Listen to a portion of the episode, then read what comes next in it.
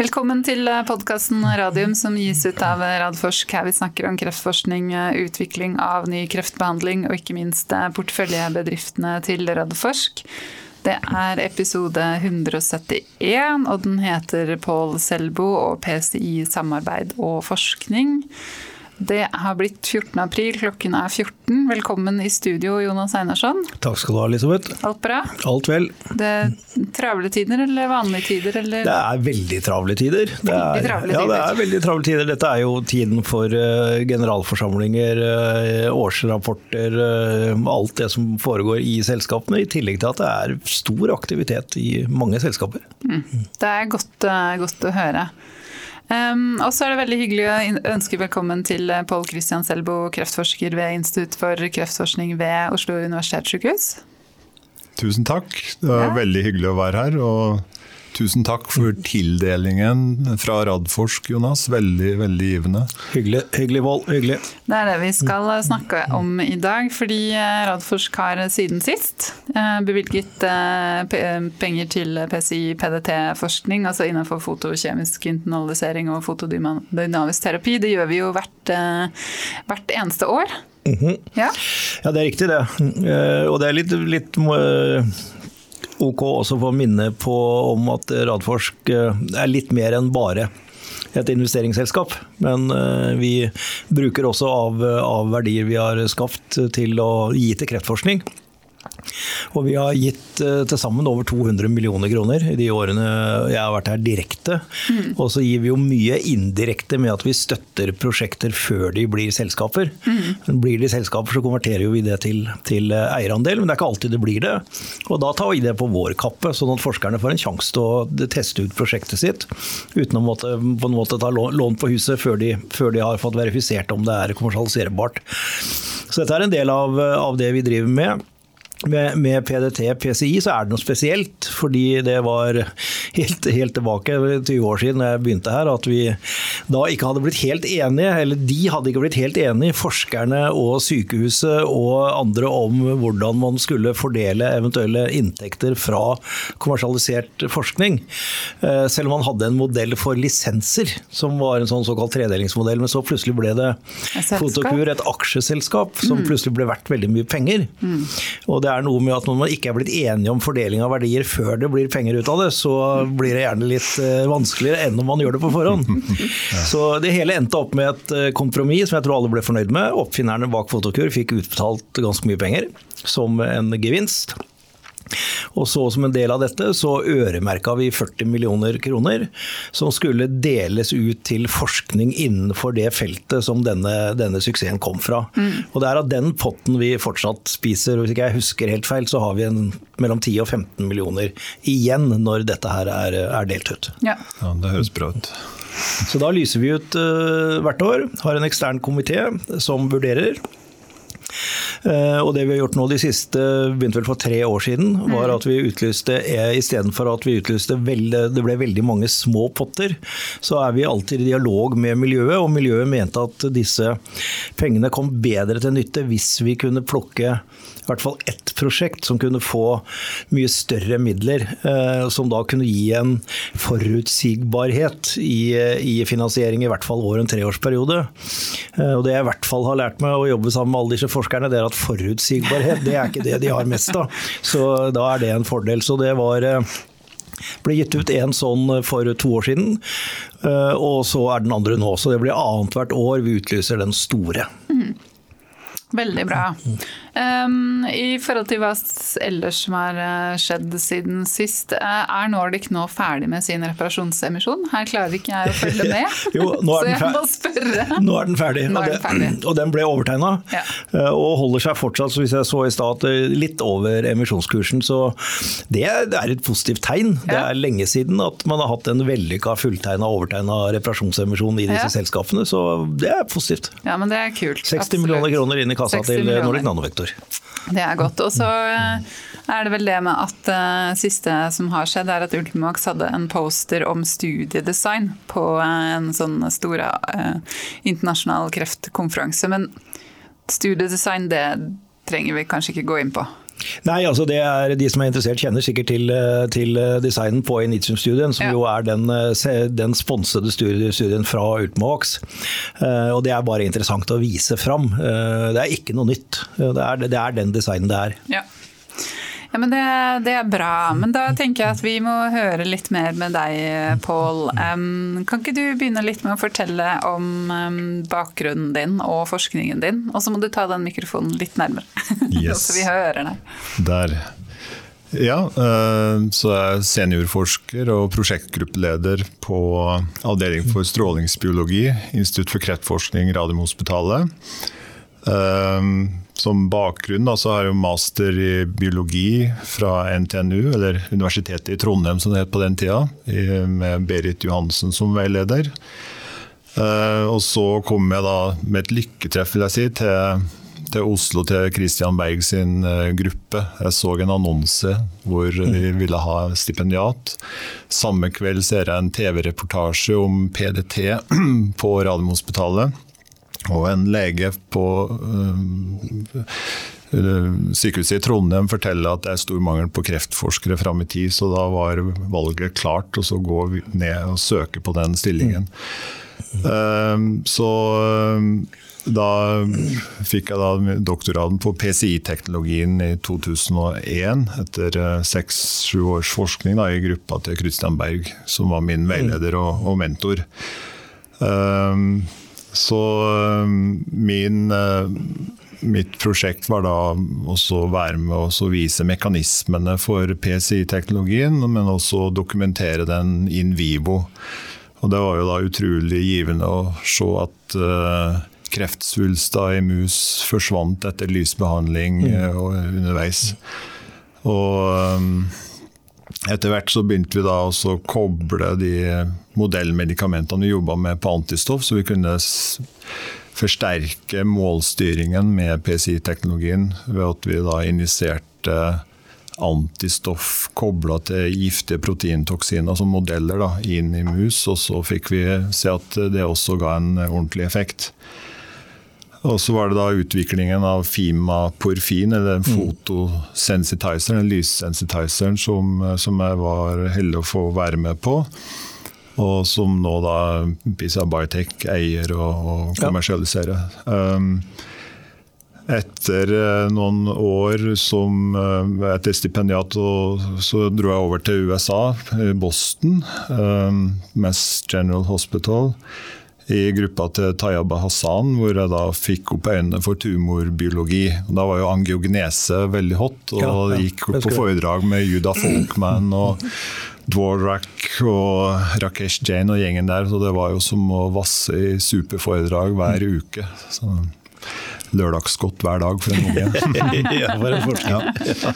Eh, da jeg kom tilbake, så ble fokus å bruke PCI-teknologien eh, til å ta, prøve å ta knekken på eh, resistente, altså særlig kreftresistente eh, celler. Da. Og da så vi gjorde vi noen funn som var veldig interessante. Vi så at fimaporfin ikke ble pumpet ut av kreftcellene. Det finnes da i spesielt resistente kreftceller sånne proteinpumper på plasmamembran mm. som gjør at de spytter ut eh, kjemoterapi.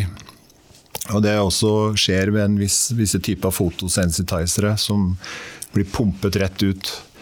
Så da med hjelp av um, forskjellige kontrollforsøk da, så, så vi uh, heldigvis at uh, fimaporfin ikke blir pumpet ut av de kreftcellene. og da uh, vekket det interessen min da, for å begynne å fokusere på behandling av kreftstamceller. Mm. Ja, så, så da begynte vi også med sånn, eh, modellegemidler da, med proteiner kobla til antistoff for å se at vi kunne targete eller målrette angrepet på, på kreftstamceller. Da. Og vi så at de, de eh, døde i petriskål. Og så har vi sett at eh, det gir en viss effekt også in vivo i mus, men vi tror vi må gjøre de medikamentene mindre. Så da er det å samarbeide med bl.a. Anette Weigang med å lage rekombinante immunotoksiner som er mindre mm. for å targete de kancerstamcellene. Eh, og så ble det etter hvert det der kancerstamcelleprosjektet ble jo da dratt inn i SFI Cast, som er finansiert av delvis Forskningsrådet og industri. Mm. Senter for forskningsdrevet innovasjon, og CAST var det da kancerstamcelletargeting. Og der ble jeg da i åtte år lønna av PISA Biotech for å gjøre egentlig hva jeg ville mm. med det prosjektet her. Så jeg fikk en stor frihet, som, selv om jeg var inne i industri. Um, og etter hvert så ble det da uh, mer og mer aktuelt å vri PCI-teknologien mer mot klinisk relevante medikamenter. da. Mm. Parallelt med det her så ble jo medisin hvor, hvor, de gjorde det head and neck-studiet.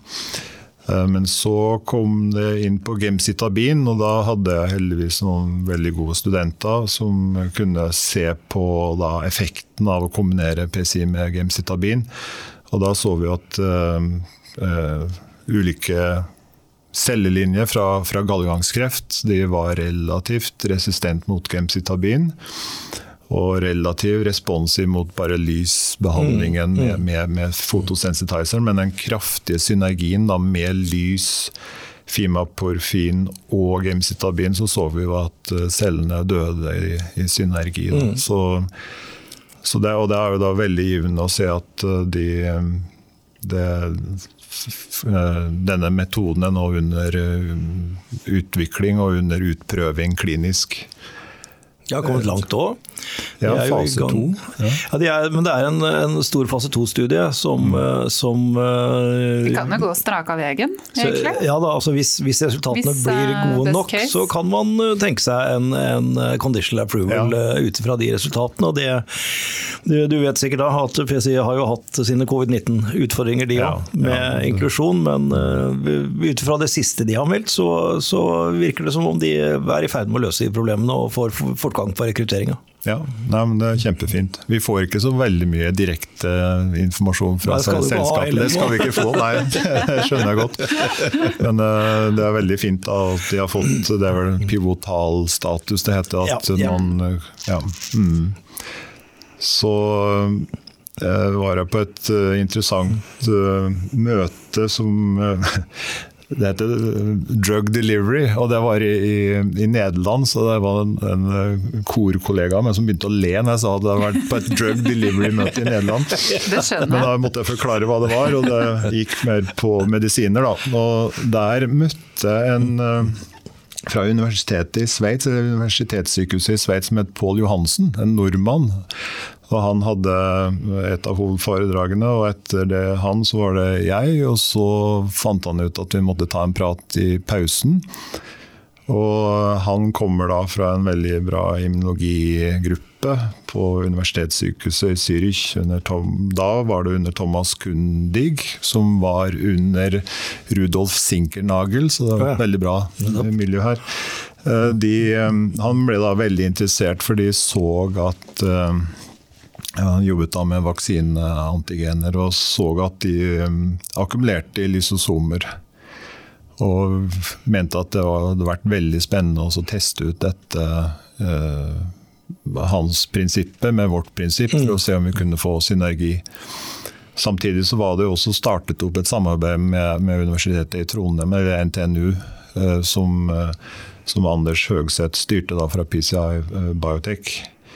Så, så det samarbeidet med Universitetet i Trondheim, eller NTNU, og Universitetet i Zürich, Universitetssykehuset i Zürich, da, så har det jo vist mekanistisk at eh, PCI-teknologien kan også forsterke vaksineeffektene. For det er jo et problem at uh, vaksineantigener, når de blir gitt, så blir de tatt opp av antigenpresenterende celler som da rett og slett uh, bryter ned antigenene. Og så blir det presentert uh, gjennom MHC klasse 2, så du får en sånn CD4, eller mer antistoffreaksjon. Ja. Men i kreft så trenger du en CD8-respons, og da, da vil du gjerne stoppe den der eh, degraderingen i lysosomene og så få antigenet ut i, i cellen. og Det er det vi gjør med PCI. da viser vi at vi kan lysstyre frigjøringen av antigenet ut i cytosol. Og så ser vi at eh, vi får da en sterk se klasse 1-presentasjon, dvs. Si da sterkere CD8 killer Mm. cell-respons. Um, og akkurat det samarbeidet der har vært kjempespennende, for da det er jo da også blitt dratt inn i klinisk uh, utprøving på friske frivillige. da. I, Ja. Var det Og det er Leeds? for, for våre investorer som lytter, så er det da Fimavac. Fimavac. ja. Fimavac-plattformen til PSI Biotech som du Ja. jobbet med der. Ja. Og Gemcitabin-prosjektet var da Fima Chem. Chem, ja. Ja. Um, ja, um, så når man da jobber med vaksiner eller immunoterapi Jeg er jo ikke immunolog, men jeg ser jo da at, um, at det er jo en revolusjon det med bruken av antistoffbehandling og checkpoint-inhibitorer, som vi kaller det. Altså de som bremser opp immunforsvaret. Da. Så hvis du bruker de antistoffene, så tar du bort den bremsen, og så får du gira opp immunforsvaret til å angripe kreftcellene. Men så ser vi at eh, det er jo en minoritet av pasientene som responderer. Ja. Og Derfor så er det da i litteraturen et sterkt behov, eller man spør etter kombinasjonsmetoder da, som kan være med å forsterke det her. Og um, det er også påvist flere andre komponenter da, i kreftsvulsten som, eh, som er med å bremse opp immunforsvaret eller forsterke kreftcellenes vekst. Og, ja, så, så eh, da, da har jo prosjektet vridd seg veldig da, de siste årene mot uh, immunologi. Da, og kombinere PCI-metoden med, med metoder som direkte angriper kreftcellene, men også kan ha et potensial til å aktivere immunforsvaret. Mm. Og det er jo kjent fra før i PDT-litteraturen at uh, altså, fotodynamisk terapi da har tre virkemekanismer. Det ene er at du dreper kreftcellene direkte med en lys- og fotosensitizer. Men så kan du også ha shutdown, eller du kan slå ut blodåresystemet, blodårenettverket i tumor med metoden. Eh, Og den tredje komponenten går da på å aktivere immunforsvaret. Men det er bare klinisk sånn anekdotisk da man ser at du får en sånn eh, respons av en tumor som ikke har blitt lyseksponert. Ja. Så det må gjøres bedre studier på det for å Det bekrefte er det, det er det de kaller for en abskopal effekt. Ikke sant? Ja, at du det får en ja. systemisk effekt, sånn at du får det mer enn På samme måte som det er i det holy grail for onkolytiske viruser, f.eks. Ja. Ja, det er det man ser hos visse pasienter i strålingsbiologi, Ja, også, ja. eller stråleterapi, mener jeg. Så at man får en effekt på en tumor som Ja. ikke er bestrålt. bestrålt. Yes. Um, hvor var jeg? Nei, det, det vet jeg ikke. Det jeg bare tenker at eh, våre lyttere, fordi PCI er jo en av de eh, som eh, blir mest lyttet på, de kommer til å kose seg skikkelig med den podkasten her. Det- det tror jeg òg. Ja, men så, nå er det da tre, tre større, eller tre prosjekter som, som, som inngår i min prosjektgruppe. Da. Så, og det, ene er da PCI av immunotoksiner, altså antistoff kobla til proteintoksiner. som for å målrette angrepet mot kreftstamceller. Også det andre er da eh, PCI av cancervaksineantigener. Og så er det PCI i kombinasjon med klinisk, eh, klinisk brukte medikamenter. For det er jo det som var Christians eh, idé, var jo at vi skal gjøre medisiner bedre. Og og, vi ser da at større store molekyler, eller store medisiner, la oss si makromolekyler, de, de slipper ikke rett inn i cellen. De blir tatt opp av endocytose. Og så akkumulerer de i noe som vi kaller lysosomer. Og det er jo da opprinnelig ansett som uh, søppelfabrikken i cellene, hvor alt skal degraderes. Nå viser det seg at de har eh, veldig viktig funksjon i mange ulike sykdommer, og er mye mer viktig enn bare å være en uh, søppelfabrikk. Eh, Uh, Men vi, vi bruker da metoden vår til å sprenge opp, eller penetrere, kan du vel si, de membran da, til det der eh, lysosomene. Du kan se for deg som en sånn fettboble, som du ser hvis du har kokt ja. kraft av noe, så ser du de små fettboblene. Omtrent sånn er et lysosom, for å si det litt flåsete enkelt. Men de stenger da inn uh, flere typer medikamenter, proteiner, antigener som er brukt i vaksiner. Uh, og til og med også nukleinsyra som er brukt i, i nå bl.a. I, i vaksinebehandling. Ja. Uh, det vet vi at de nukleinsyrene blir brutt ned. Men med PCI så klarer vi da å åpne opp med lys, da, som lyset treffer fotosensitizeren så absorberer fotosensitizeren lyset i riktig bølgelengde. Og så overfører den energien til oksygen som blir til giftig oksygen. Så du får en reaktiv oksygenforbindelse som bryter opp membran, eller de mm. fettmembranstrukturene. Og så slipper da medikamentet, molekylet, ut og inn i cellen. Og Det er jo da det som er prinsippet bak uh, metoden. Mm. Men så uh, interessant, da, så ser vi også at en del mindre molekylbaserte medikamenter, en del kjemoterapier, og vil også akkumulere i lysosomer av en eller annen grunn. Og da, da er det jo samme prinsippet, liksom, mm. å ødelegge lysosomene og så frigjøre medikamentet. da.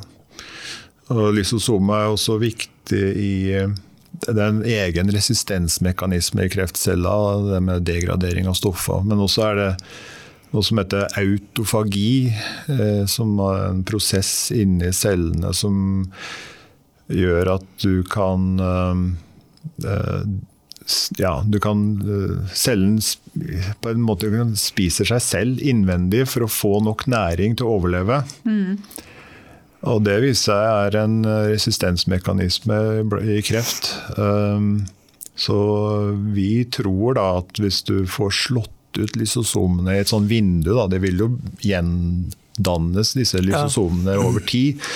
Men du har nå et vindu på mange timer der hvor dette er slått ut. Så det, det vil um, sannsynligvis få en tilleggseffekt okay. ved at du banker ut i um, den autofagiprosessen.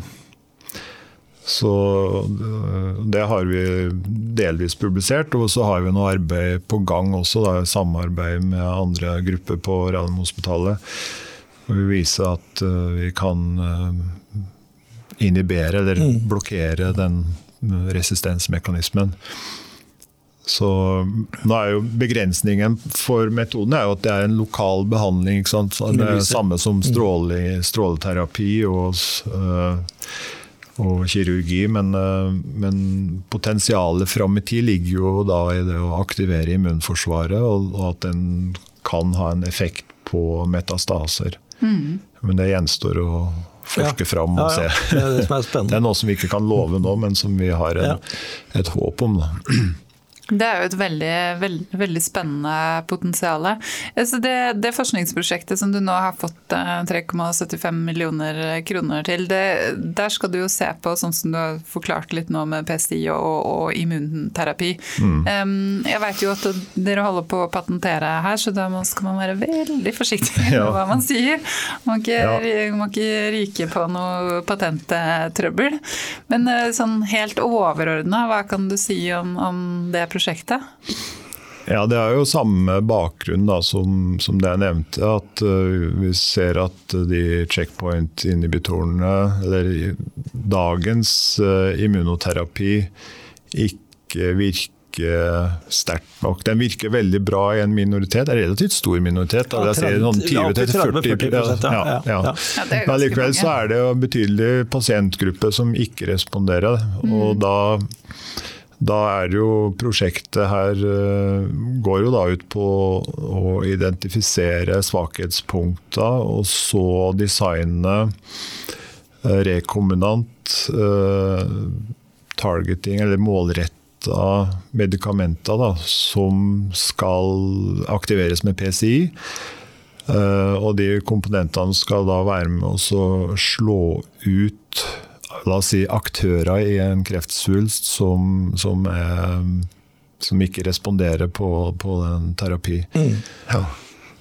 Så, ja, for det er, det er, jo kjempespennende, fordi det er helt riktig som du sier, at vi eh, Checkpoint-hemmere, eh, enten det er ZLA4 eller PD1 eller PDL1, har jo vært et supergjennombrudd, eh, paradigmeskifte i, i kreftbehandlingen. Men det er også helt riktig at man tror det er de tumorene hvor immunsystemet allerede er aktivert, hvor du får denne gode effekten.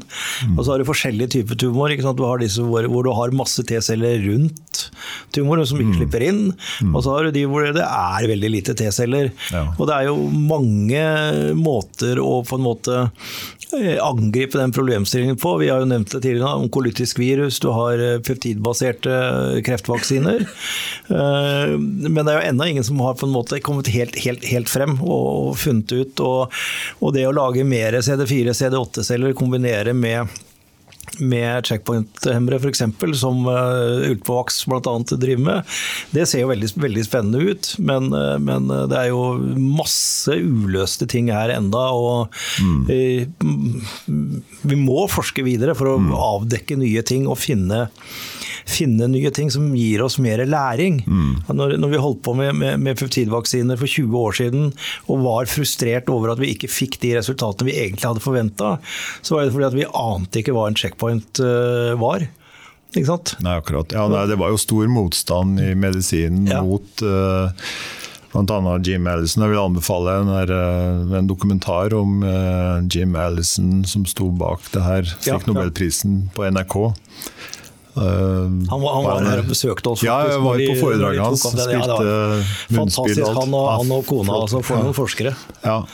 Og det, det, med å være motivert for eh, forskningen, der har jo han hatt en ekstrem indre motivasjon som Jeg visste ikke at han var så råket av eh, kreft i både familie og seg selv, mm. og det kommer jo godt fram i denne serien. da. Så, mm.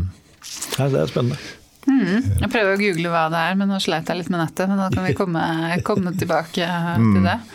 Um, du har jo fortalt om det samarbeidet du har eh, med, hatt med PCI Biotech. Samarbeider du med de fremdeles? Ja da. Mm. Så samarbeidet med PCI Biotech eh, det begynte med at eh, jeg, når jeg begynte i min stipendiatstilling, så jobbet jeg med proteiner. Eh, og parallelt, etter hvert, så kom Anders Høgseth inn. Mm -hmm. Som er meget erfaren og flink molekylærbiolog fra Nycomed. Um, og han da begynte å jobbe i et team med flere da, på nukleinsyrer. Så han styrte den biten. Uh, når han, han, ble jo da etter hvert uh, direktør, først i PISA Biotech, mm. og nå er han jo da forskningsdirektør. Så mm. samarbeidet har jo bare forsterka seg, egentlig. Det, det, ene viktige er jo at vi får, alle vi som jobber med PSI på Radiumhospitalet, får jo da fri tilgang til, til Fima og Porfin. og det, det er jo det er jo core-molekyl, ja. core-medikament mm. i vår teknologi. Så det, det, er jo greit. Men så, eh, ettersom eh, jeg gikk inn i den SFI Cast-prosjektet, så var det jo da tett samarbeid med Anders. Og, og både på kancerstamcellebiten og vaksinebiten. Og kjemoterapibiten. Mm. Så det er egentlig naturlig ting å, å ha den kontakten. Uh, når jeg begynte på Radiumhospitalet i 1995, så var det flere av de gamle professorene som murret uh, når vi hadde da kontakt med industri. Det var, uh, dette, dette, husker jeg veldig godt. Det var tilsvarende nærmest som prostitusjon. Ja. Så heldigvis så har jo det skifta over de siste 15 årene, i hvert fall. Eh, når jeg var i Boston også, så så jeg jo Det var jo 2002 til 2003. Jeg skulle jo egentlig over i høsten 2001, men det, da var det jo 9-11 som kom og satte en pause på et halvt år. Men der så jeg jo da at uh, det var tett samarbeid mellom akademia og industri. Og ja, det var uh, uten tvil noe som kom til å bli en viktig ting fremover. Ja. Jeg husker veldig godt vi fikk til den første ever samarbeidsavtale mellom et oppstartsselskap og sykehuset. Ja. Om videre forskning og samarbeid om forskning. For det var liksom sånn Tidligere så var det sånn at hvis du gikk over til the dark side, så kunne du bare lukke døra etter deg til det mm. akademiske, og da var det null kontakt mm. derimellom. Mm. Og det var eh, jeg, til og med jeg som en allmennlege fikk da negative tilbakemeldinger når jeg begynte i Ramsdals forskningsstiftelse, fordi jeg skulle da fraternisere med fienden. Mm. Så det har jo skjedd veldig mye, da. Ja, ja. Nei, jeg tror Det er jo en eh, gjensidig nytte, det her. Du ser at farmasiselskapene har eh, ok, De store har jo svære laboratorier og forsker fram sine egne ting. men men mange av de prinsippene altså Prakteksempelet er jo Jim Allison sin eh, CTLA4, altså ja. checkpoint inventory-forskningen som er akademisk basert. og og, og, det omsider etter masse runder da, så ender det opp i farmasi. Og, og, og PCI Biotech har jo ikke egne laboratorier. Nei. Det hadde jo heller ikke Fotokur. Alt Nei. var jo basert på arbeid fra eller Mesteparten er basert fra Radiumhospitalet. Ja, og det har liksom vært, vært, tanken, da, eh, som jeg har jobba med alle disse årene. Det er at vi skal ikke ta dere altså De forskerne som vil gjerne være med og bli kommersielle og gå videre med et klinisk løp, kan, er selvfølgelig hjertelig velkommen til å gjøre det, og noen gjør det. Mm. Mens når andre forskere sier at nei, jeg vil forske, det er det jeg driver med. Mm. Og da må vi sørge for at det forskningsmiljøet er så godt forankra her mm. at når det kommer et selskap utenifra, Big Pharma en eller annen gang langs veien, så gjør det som regel det. Mm. Men istedenfor at de da går inn og bare grabber dette og tar det med seg mm. et annet sted, så er forskningen så godt forankra. Ja. i det akademiske miljøet at de sier at nei, vi vil være her, vi. I mm. dette miljøet og utvikle selskapet ja. her. Og da, da, har vi lykkes, hvis vi får til ja. det. Ja, Det er kjempebra at, at det er sånn. Uh, og det Fokuset på innovasjon eh, har jo bare økt innen laboratoriene våre de siste årene. Så Det starta med at man begynte å snakke om at det var viktig med innovasjon, men de aller fleste eh, rista litt på hodet. Men eh, det, du ser at det har sin virkning at dere er til stede, og at, at det fokuseres på, på det.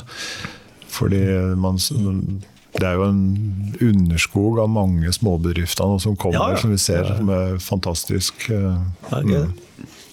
Ja, og så tenker jeg det sånn Innovasjon innenfor kreftfeltet har ofte en annen betydning enn innovasjon innenfor annen type næringsliv. For her kan det jo på en måte ha en, ha en viktig klinisk eh, betydning for, for pasienter. Mm. Ja, hvor viktig er det for deg i din eh, motivasjon som kreftforsker? Ja. Det er jo Eh, veldig, veldig viktig eh, å ha det som fremsiktig mål at det skal komme pasienter til gode, kreftpasienter til gode. Det, det er jo en drivkraft i seg selv som er mm. veldig viktig. Mm.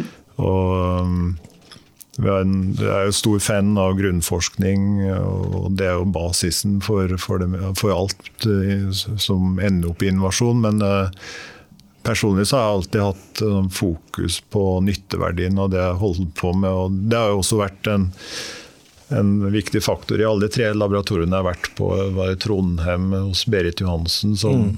Der vi endte opp med bedrift hos henne også, med, med psoriasisbehandling. For å jobbe med fosfolipase A2 og inhibitorer av det. Eh, og Christian Berg hvor jeg kom inn, og det var jo da en veldig spennende periode hvor Fotokur var i bare et par år når jeg begynte.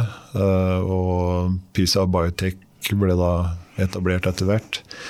Og oppholdet også i, i USA hos Tayaba Hassan, som var mentoren min i postdok-perioden der. Hun hun er jo med på det patentet på Visudyne. Vet ikke om du har Nei, hørt om det. Nei, det er brukt mot AMD, Age-related macular degeneration. Sånn, den øyesykdommen mm. hvor oh, ja, blårer ja, vokser fram. Mm. Så kan det da gi en fotosensitizer som hun pakket inn i liposomer, sånn som eh, Moderna og oh, ja, Pfizer-vaksinen. Sånn BioNTech-vaksinen. Ja. Eh, men da var det en fotosensitizer i en nanopartikkel, og den ble gitt i blod. og så Etter 15 minutter og så er laserstyrt altså aktivering av sensitizeren som da tar knekken på blodårene inni øyet. Ja. Så det var jo en av de mest suksessfulle PDT-produktene på 90-tallet. Men så kom jo det antistoff mot uh, angiogenese, eller antistoff mot VGF. Som konkurrerte det delvis ut, men fortsatt under forskning å kombinere den med med VGF-inhibering. Mm. Men Pål, du nevnte, nevnte den uh, sveitsiske forskeren. Pål Johansen. Ja, som ja. du møtte. Eh, bare slå et slag igjen for at vi må bli ferdig med covid-19 og få, få konferanser hvor dere kan møte hverandre. Ja. For Det er et så strålende eksempel på at det er sånn det skjer. Ja. Det er to stykker etter hverandre som holder et foredrag og sier at oi, ser man det? Her er ja. noe, la oss ta en kopp kaffe. Ja. Den ble jo borte nå. ja, den er borte. Det er jo eh, så synd. Eh, selvsagt er jo Zoom veldig bra, men det, det, blir, det blir, ikke det samme. Også, for det, jeg savner å møte kolleger eh, i feltet og møte nye potensielle samarbeidspartnere, sånn som her, i tilfellet her. Hvordan er det internasjonalt eh, med PCI? Eh, både interesse og forskningssteder hvor det er liksom hot? Er er det flere internasjonale grupper du og dere jobber tett sammen med? Ja, eh, det er flere eksempler på det. Det ene Nå har jeg et eh, samarbeid med en gruppe ved University College London. Det er jo delvis pga. gallegangskreftprosjektet. da, eh, hvor, hvor, vi har et samarbeid på Det er ikke bare gallegangskreft, men det går også på pankraskreft. Ja.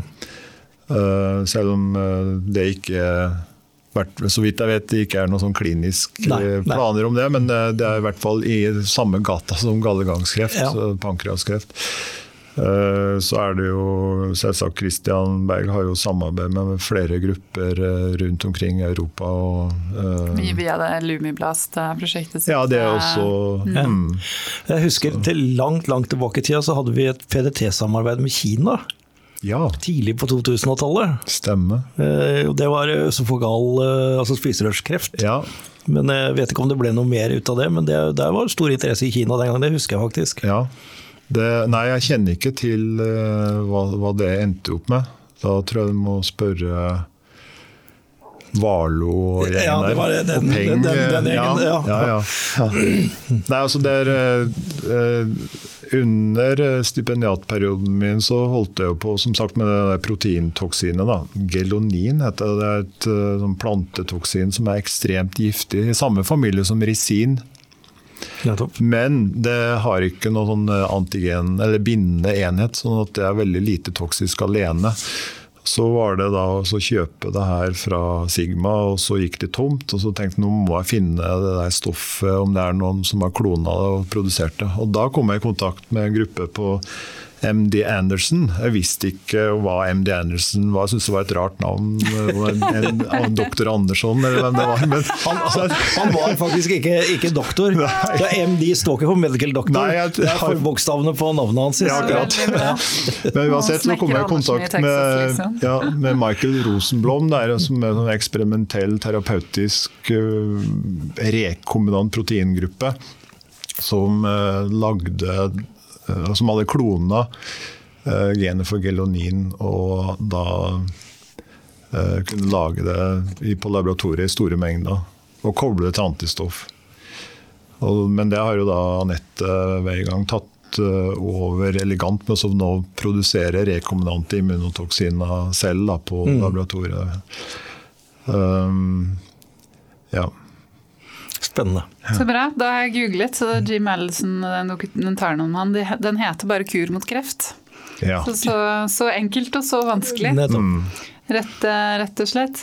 Du, det, nå skal vi eh, snart eh, gå inn for landing, Pål. Men har du noe du har lyst til å si på slutten? Vi har noen lytterspørsmål som vi skal kikke ja. litt på. Men så får vi avslutte ja. sesjonen med deg. Nei, jeg vil i i hvert fall uh, for, uh, takke igjen for pengene. Det har jo sikra meg tre år framover nå. Det holdt på å gå tomt uh, nå i løpet av året her, så det har vært støtta av Helse Sør-Øst i flere år nå. Eh, men kanskje en melding til både Kreftforeninga og Helse Sør-Øst og Forskningsrådet om at de må ikke glemme eh, verdien av det viktige strålingsbiologi-forskningsmiljøet i Oslo. For vi ser eh, når man har støtte til et så sterkt forskningsmiljø, så blir det noe ut av det. Vi ja. har Fotokur, 70 ansatte, Pisa Biotech, 10 ansatte. Og så har vi Kjøl, Bayer, kjølvannet Algeta, vi har eh, Nordic Nano Vector og vi har Onko Invent. Onko Invent ja, og det, eh, alt dette er Og vi har enda et selskap på, som er stifta på, på, samme grunnlag. Ja. Det er helt riktig, så pipeline fra strålingsbiologi og For Radforsk så er det personalisert medisin, immunterapi og strålingsbiologi. Ja. Det er virkelig de tre feltene, og selvterapi. Ja. Det er de feltene vi har på en måte sikta oss ut, at vi har mulighet til å bli store på. Ja. Og enda, enda, bedre. Og det å jobbe for å bygge opp strålingsbiologien enda mm. mer, det, det, jobber vi for. Ja, for det, det er bare poengtere hvor viktig det er å satse. Man, det, er, det, er, veldig fint at man har programmer for persontilpassa medisin, for det er kjempeviktig. Og at immunologien nå er i skuddet. Sånn, men i bunn, hvis man ser på historien og de siste årene, hvor viktig det er å satse på strålingsbiologi, ja. det er så Vi kan ikke få sagt det mange ganger nok. for at uh, det er ikke bare det at det er under utprøving på pasienter, det er pasienter nå som blir behandla av kreftmedisiner eller behandlingsregimer mm. etablert i Oslo-regionen. Uh, ikke sant? Så, ja, så det, det, er så, så, viktig. Så får vi nytt protonsenter. Ja. Med, som faktisk har en egen forskningsenhet. Ja. Uh, første i verden. Mm. Hvor de har etablert et protonsenter hvor man faktisk har satsa på en egen forskningsenhet også. Ja. Og her er det synergieffekter og ja, utveksling Absolutt. av kunnskap og masse muligheter. Men Går det da innenfor klinisk forskning også, så de kan gjøre kliniske studier? Ja, ikke sant? Alt fra liksom basalforskning til så hadde vi Kongsberg Beam mm. Technology her, ikke sant, som jobber ja. med en, en sånn duppedings for å styre, målstyre disse strålene. De kommer til å ha der at det skal testes ut i denne forsøksdelen av protonsenteret. Ja, så det er, det er et veldig spennende område. Altså. Ja, det er det, det, er det absolutt. Ja, men Så bra. Da håper jeg de tar den meldinga. Vi snakka litt om det før vi gikk i studio, at det er mye trender innenfor sånn forskningstildeling. Oh, ja. ja. Akkurat de syns jeg kan holde seg unna sånne trender. Det kan jo overlate til sånne motefolk med sånne høst- og vårtrender og sånn. Det trenger man ikke å drive med innenfor forskning. Mm. Um, vi må ta vi har, fått, vi har, fått, inn et spørsmål flere ganger fra flere lyttere. og det er kanskje ikke så rart i disse vaksinetider, når det spekuleres i både AstraZeneca-vaksinen og, og Janssen-vaksinen, og hva som eventuelt kan føre til altså de blod blodproppene og de mm. blod, altså lave blodplateverdiene. Og da er spørsmålet eh, hva vi tenker, eller hva du Jeg skal ikke tenke noen ting. Eh, I forhold til adenovirus, blodpropp og videre utvikling, interesse for Targovax sin Onkos 102-plattform, for de bruker jo adenovirus. Ja, det gjør de. Eh, forkjølelsesvirus som er brukt i vaksiner opp gjennom veldig mange år. Altså Dette er jo ikke noe nytt, det er jo ikke noe ny teknologi. Nei, nei det er, det er, det er liksom. mRNA-teknologien som er den nye teknologien. Ja. Dette, er, dette, er, ikke den nye. Mm. Men har man da tidligere sett lignende type bivirkninger? Det har man helt sikkert. Men man har ikke tenkt men, over det? Men eh, du kan tenke deg størrelsesorden ja. på det, det, vaksinasjonsprogrammet nå. Mm. mm. At en ytterst sjelden er det uh, var det UK seks millioner og seks tilfeller. Så du, liksom, hvis du lander på et eller annet sted mellom en halv og en million per tilfelle av bivirkningen, mm. så vil det være fryktelig vanskelig å fange den opp. Mm. Og å sette den i sammenheng med vaksine, vaksinasjonen. Nå var det litt tilfeldig at i Norge kom det et sånt lite cluster. Mm. Eh, om det har noe med genetikk eller andre ting å gjøre, Det vet vi ikke. Snakka litt med Pål om dette før vi ja. gikk på òg. Og, og du spurte jo hvor, hvorfor ser det ut som det er mest kvinner, og, og i fertil alder. Mm. Og du forklarer jo Pål det kan ha sammenheng, som, du, som biolog, med, med Ja, jeg skal være litt forsiktig da. Immunologene må nok inn her og Ja, ja, forklare bedre. del. Men det er jo biologisk sett så er jo kvinnene veldig er utstyrt med et sterkere immunforsvar enn menn for å beskytte henne under bl.a. graviditeten, ikke Ja. sant? som er så viktig for eh, livets gang. Og da er nok trade-off hvis du har et så sterkt immunforsvar, så vil du også kanskje potensielt få et problem når immunforsvaret er giret opp, og så får eh, bremsene ned igjen. Og da er det nok en del litteratur som viser at eh, kvinner er overrepresentert på autoimmune sykdommer, Mm, blant annet som går på dette å, å, å overreagere på immunforsvarssiden. Så, Ja. mm. Dette er liksom én av flere Ja. mulighetsrom og teorier, og vi vet ikke. Og det er klart at hvis det ikke hadde vært mRNA-vaksiner som hadde kommet Mm. nå, og vi bare hadde hatt Ja. disse vaksinene også oppdaget når vi, når, vi, når vi da vaksinerer titalls, hundretalls av millioner av mennesker, så dukker disse bivirkningene opp. Ja. Som kanskje kan ha vært der fra før, men vi har ikke klart å oppdage de. Mm. Da ville vi sagt at ok, her er kosteffekten, eh, nytteeffekten langt Ja, er mer enn faren. Men nå har vi jo muligheten til å sette de på hold eller stoppe de, Ja. og vaksinere med mRNA-teknologien som ser ut som det ikke har det. Eh, Så det skaper et helt annet bilde. Men til, til det spørsmålet fra lytteren om dette har noe å si for utviklingen av onkolytisk virus, eh, adenovirusbasert, jeg vet ikke. Nei. Eh, Jeg kan ikke se hvorfor det skulle ha det, men, men eh, jeg vet ikke. Nei.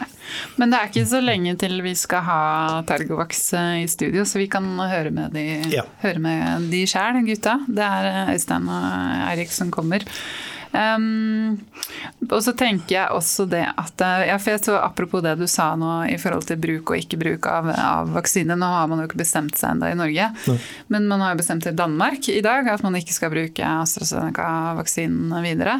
Og da så jeg det var en, en lege jeg kjenner eh, på, som uttalte på Facebook at eh, det syns han egentlig var helt utrolig.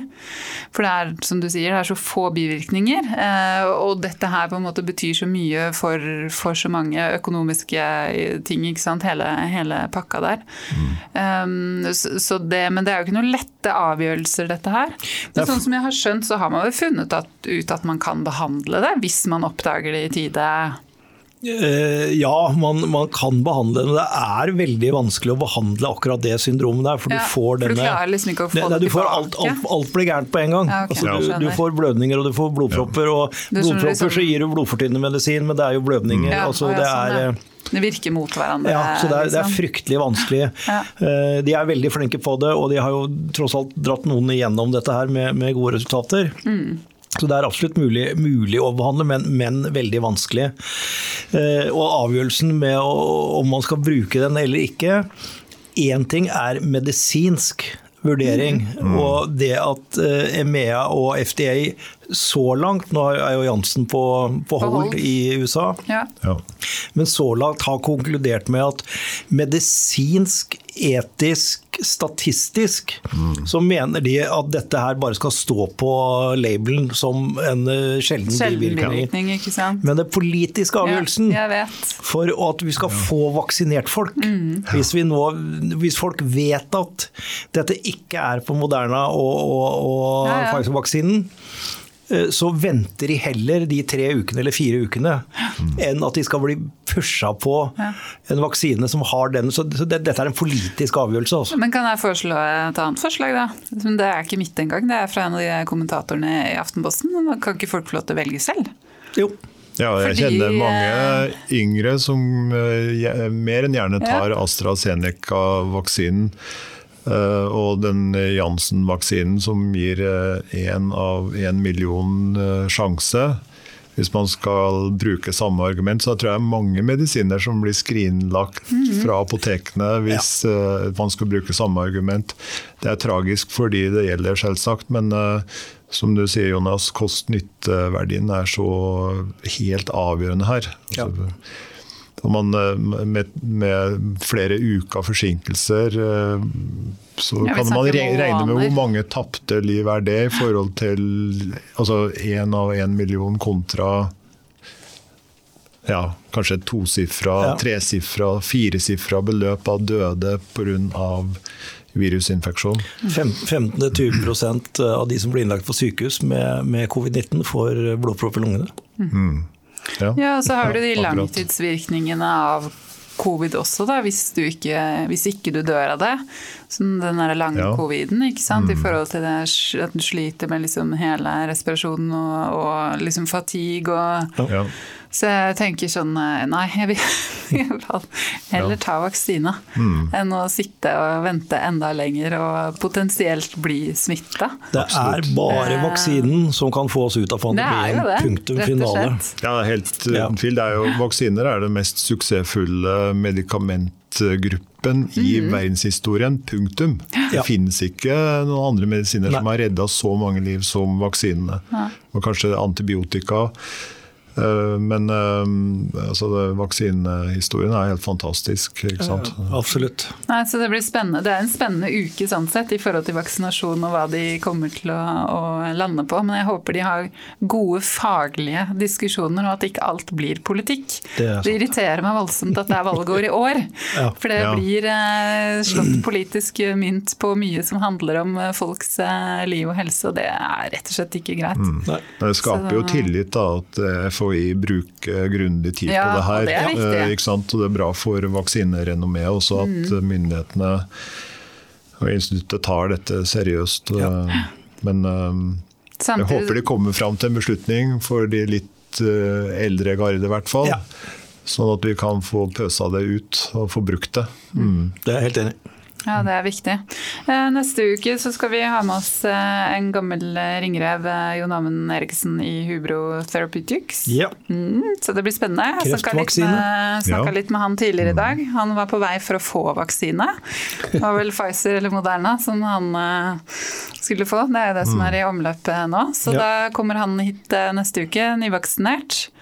Du får jo snart andre vaksine, du. Så det ja, ikke, ikke før i mai. det, er, det, er, jo snart mai. Ja. Det er snart midten av april. Det, men du Pål, veldig spennende å ha deg i studio. Spennende å høre om prosjektet ditt, men også liksom lange samarbeidet med med PCI. Det minner meg egentlig om at Anders Høgseth burde vi ha i studio. Han ja. har vi aldri hatt her. Det har vært veldig gøy å snakke, snakke han med han. Han er en veldig morsom og hyggelig ja, kar, så han fortjener å komme hit. Ikke sant? Ja, det fortjener lytterne våre. Vi har jo prata med han mange ganger, så det med lytterne våre burde gå til det. Mm. Mm. Tusen takk. Ja, tusen takk for at jeg mm. fikk komme.